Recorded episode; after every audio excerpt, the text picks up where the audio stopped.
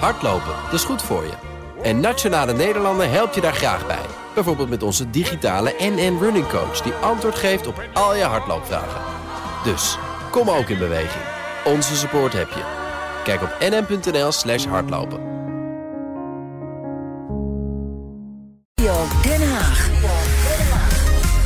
Ja, over die regen vanavond. Want uh, dan is er topoverleg op het kantoor van premier Rutte. Ja. Een ingelast kabinetsberaad na de verkiezingsnederlaag voor zijn coalitie... en de zegen van BBB op 15 maart bij de Provinciale Statenverkiezingen. Rutte heeft alvast aangekondigd dat hij wil kijken naar meer geld... voor de regio en het platteland in Nederland. En daarover zijn in onze Haagse studio... Tweede Kamerlid Haptamoe de Hoop van de Partij van de Arbeid... en politiek verslaggever Sophie van Leeuwen. Goedemiddag allebei. Sophie, eerst even naar jou. Dat topoverleg, hè? sta jij vanavond bij dat torentje? Mijn collega Leendert gaat in de regen staan. en het wordt ook best wel koud. Dus ik hoop dat hij een paraplu meeneemt. En daar is, ik denk, een dineetje met premier Rutte, Kaag van Financiën en D66. Hoekstra van het CDA natuurlijk. Ook flink verloren. En Carole Schouten van de ChristenUnie. Ze nemen ook nog secundanten mee. Dus een, ja, een eigen partijgenoot die een beetje kan helpen met influisteren. Zoals Harbers van de VVD. Van Rij van het CDA. Het is echt een topoverleg. Mhm. En de grote vraag natuurlijk, Lisbeth, is... hoe kon dit nou zo misgaan? We hebben nou zeker tien zetels verloren. Wat is het? Twee weken geleden? In de Senaat. En hoe krijgen we dat vertrouwen van die burger terug, dat heel erg laag uh, is in de politiek in Den Haag? Ja. Ik denk niet dat ze allemaal in het torentje passen, maar misschien in de treffenzaal. Een, uh, een diner. En we zullen zien uh, hoe laat het gaat worden vanavond. Maar uh, ja, hoe krijg je dat vertrouwen terug? Dat is natuurlijk de, de vraag, zoals je zegt. Maar Rutte heeft al wel gezinspeeld op geld. Extra geld voor de regio en het platteland. Ja, dat is altijd makkelijk. Een zak geld op tafel smijten. Meer aandacht voor de regio is nu de roep in Den Haag. Denk je aan misschien infrastructuur, extra buslijnen. Mhm. En ook hoor je in de wandelgangen, we moeten minder aan rendementsdenken doen. Meer keuzes maken uh, nou, voor mensen. En niet alleen maar voor onze eigen portemonnee in Den Haag. Dus ja, die zak geld, Lisbeth, is natuurlijk niet alleen maar een oplossing. Dat zie je ook bij Groningen. Staatssecretaris Velbrief is er ook bij vanavond. Je kunt heel erg veel beloven aan mensen. Maar kun je die beloftes ook waarmaken? Kun je mensen echt helpen? Want we hebben een gigantisch uitvoeringsprobleem ja. in Den Haag. En dan creëer je weer je eigen teleurstelling. Dus dat is achter de schermen waar ze een beetje bezorgd over zijn. Ja, we gaan het oplossen, maar kunnen we dat eigenlijk wel? Ja, dus geen nieuwe snelwegen beloven als je uh, niet kunt bouwen vanwege de stikstofverordening en uh, bij gebrek aan personeel bijvoorbeeld. Je kunt nu zeggen, we doen die lelielijnen in één keer al het geld voor die, die high-speed train naar het noorden, richting Groningen. Nou, hoe, hoe, lang gaat het duren voordat we die gebouwd hebben? En inderdaad, alle, alle infrastructuur, de nieuwe wegen, die heeft Harbers, de minister, stil moeten leggen. vanwege stikstof. Dus ja, dat is echt wel dan weer eh, nogmaals het creëren van, je, van teleurstellingen. als je zulke harde uh, beloftes doet vandaag na het overleg. En ik denk ook niet dat die er vandaag gaan komen. Haptamude Hoop, uh, ja, u komt zelf uit de regio, uit Friesland om precies te zijn. Um, ja, meer geld, is dat inderdaad een loze belofte? Nou, ik, ik, dat hoeft natuurlijk geen loze belofte te zijn. Het, het, zou op heel veel plekken zou het helpen. Ik denk alleen al aan die bushaltes op dit moment. Je ziet dat door de verschillende provincies, niet alleen in Friesland, de provincie waar ik woon, maar door heel Nederland op dit moment één op de drie buslijnen dreigen te verdwijnen. Mhm. Dat kun je nog stoppen. Je, er worden zometeen nieuwe concessies gesloten. Uh, de, de staatssecretaris heeft zelf voor gekozen om niet genoeg te investeren in openbaar vervoer. De staatssecretaris van de CDA was 350 miljoen. Dat zijn dingen die kunnen gewoon. En daarmee voorkom je in ieder geval verder de verschaling van komend jaar. Dus dat is niet iets, een nieuwe weg aanleggen of een nieuw spoor aanleggen. Dat is gewoon verschraling tegenhouden. Nou, volgens mij is dat het minste wat het kabinet nu heel snel zou kunnen doen. Had je, had je daarmee deze verkiezingsnederlaag kunnen voorkomen als CDA-staatssecretaris? En nou, kijk, wat ik wel lastig vind, ik ben heel erg blij met het verhaal wat het CDA nu vertelt over minder rendementsdenken. En meer kijken naar wat er nu nodig is om bijvoorbeeld openbaar vervoer als basisvoorziening te hebben. En er sowieso voor te zorgen dat die voorzieningen niet verschalen. Maar ik vind het wel een beetje ingewikkeld dat natuurlijk de staatssecretaris van INW van het CDA is. Eh, de minister van Binnenlandse Zaken is ook van het CDA. Ja, dat, dat is wel lastig. En dan hoop ik ook dat niet alleen de fractie eh, van het CDA, maar nu ook de mensen in het kabinet ook meer kijken naar wat er nou nodig is in al die verschillende regio's in Nederland. Nou ja, en ik hoop dat in ieder geval vandaag daar iets van beweging in komt. Het is wel trouwens BBB die dit heeft afgedwongen met de verkiezingszege en niet uw partij, de PvdA. Nou, kijk, wij hebben het op heel veel plekken ook gewoon goed gedaan. Hè. Wij hebben ook een zetel gewonnen waar ik heel erg blij mee ben. Ja, in de ik, ik heb afgelopen.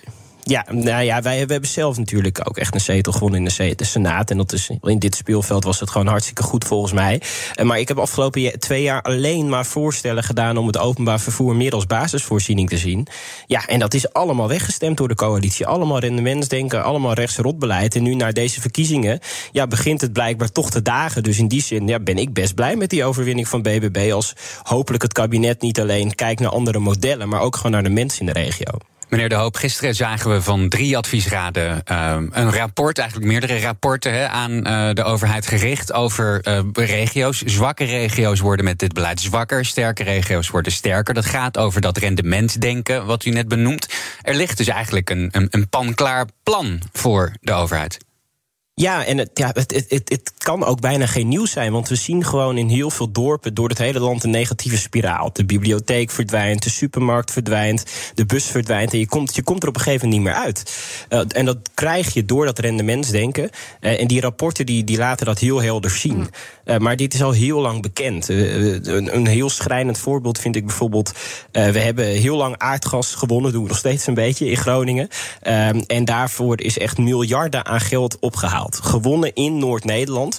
Maar van al dat geld is er maar 1% naar Noord-Nederland toegegaan. En gigantisch veel naar het westen van Nederland. Dus dat, dat is zo tekenend van hoe we daarmee omgaan, hoe we daarnaar kijken.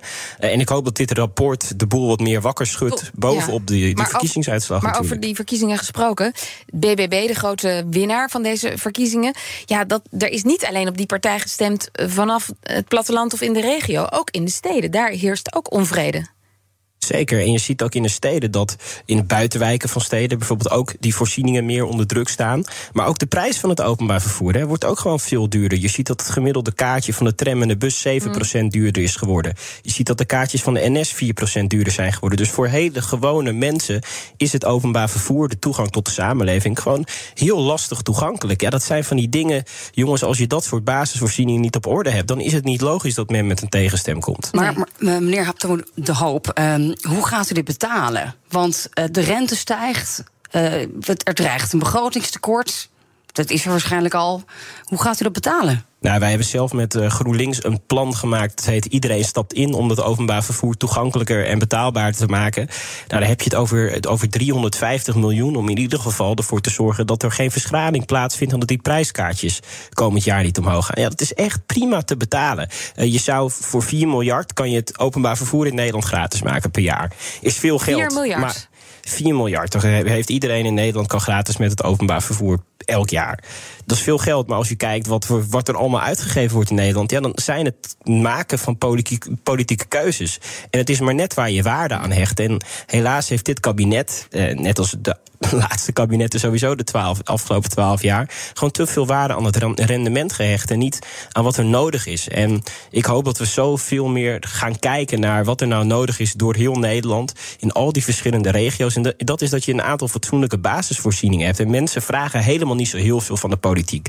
Ze willen dat hun kind goed onderwijs heeft, ze willen dat er een fatsoenlijke zorg is.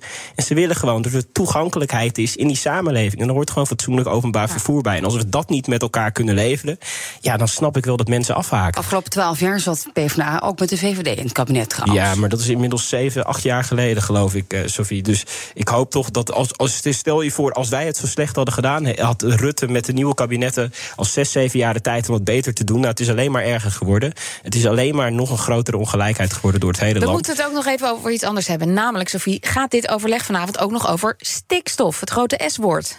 Nou ja, die overwinning van BBB, dat ging natuurlijk wel over stikstof. Hè? En de, nou, we hebben dus gezien de, de brandende hooibalen in Nederland.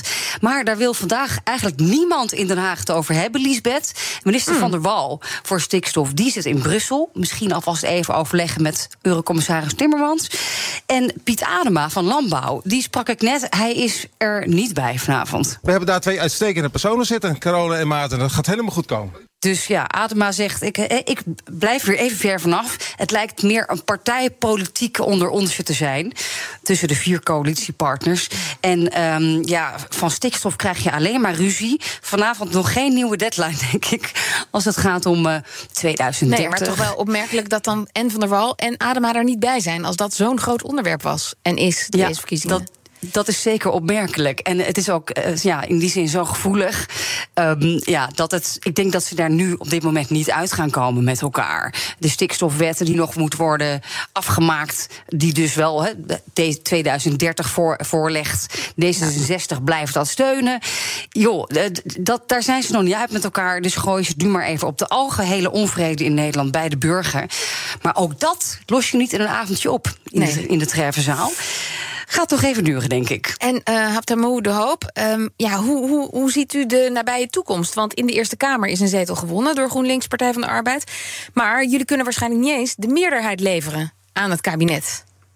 Nou ja, dat is nog even de vraag, maar ik vind dat ook niet aan ons. Het, het, kabinet heeft nu een heel duidelijk signaal gekregen van de kiezer, namelijk dat men zich niet gehoord voelt. En daar moet men naar kijken en heel goed beraden van wat betekent dat nou voor ons. En ik moet eerlijk zeggen dat ik de eerste reactie van, van onze minister-president ook wat wat lastig en ongeloofwaardig vond. Als, als je 13 jaar bijna premier bent, geloof ik. En je zegt, ja, de modellen zijn niet goed genoeg. Het, het gaat om beleid wat gevoerd wordt vanuit het Rijk, vanuit het kabinet. En ik hoop niet dat er alleen naar modellen wordt gekeken, maar ook naar de mensen in de regio. Ja, dat te kijken wat daar speelt. Dat nee, maar dat is wel cruciaal. Ja, maar nu even naar die Eerste Kamer terug. Want bent u niet bang dat BBB nu alles gaat bepalen? Nou ja, het, het, kabinet moet kijken waar zij meerderheden mm -hmm. willen zoeken. En het is net wat men wil. Ja, maar PvdA en GroenLinks is niet genoeg. Nou ja, maar dat is net wat ze willen. Kijk, ze kunnen linksom met ons op verschillende dossiers. Maar ik bedoel, dat is ook niet gratis. Wij zien ook dat de ongelijkheid groeit. We zien dat er heel veel problemen zijn in Nederland. Dus het is niet dat ze even gratis met ons over links kunnen. Wij willen dingen veranderen in Nederland. Dat het eerlijker wordt, socialer wordt, groener wordt. En als het kabinet het niet wil, dan hoeven ze ook niet bij ons aan te komen. Nee, maar dan is de gang naar BBB sneller gemaakt. Dat is dan hun keuze. Sophie, uh, jij stuurt Leendert naar dat uh, torentje vanavond met een paraplu ja, boven wilde, hij wilde zo graag in die regen staan. Dus ik zei, ga, ga, maar Leendert, veel plezier. Daar spreken we jullie ongetwijfeld morgen over. Dank voor nu. Zeker. Tweede Kamerlid Haptamoe, De Hoop en van de Partij van de Arbeid... en politiek verslaggever Sophie van Leeuwen. Business Booster. Hey ondernemer, KPN heeft nu Business Boosters. Deals die jouw bedrijf echt vooruit helpen. Zoals nu, zakelijk tv en internet, inclusief narrowcasting... de eerste 9 maanden voor maar 30 euro per maand. Beleef het EK samen met je klanten in de hoogste kwaliteit. Kijk op kpn.com slash businessbooster. Business Booster.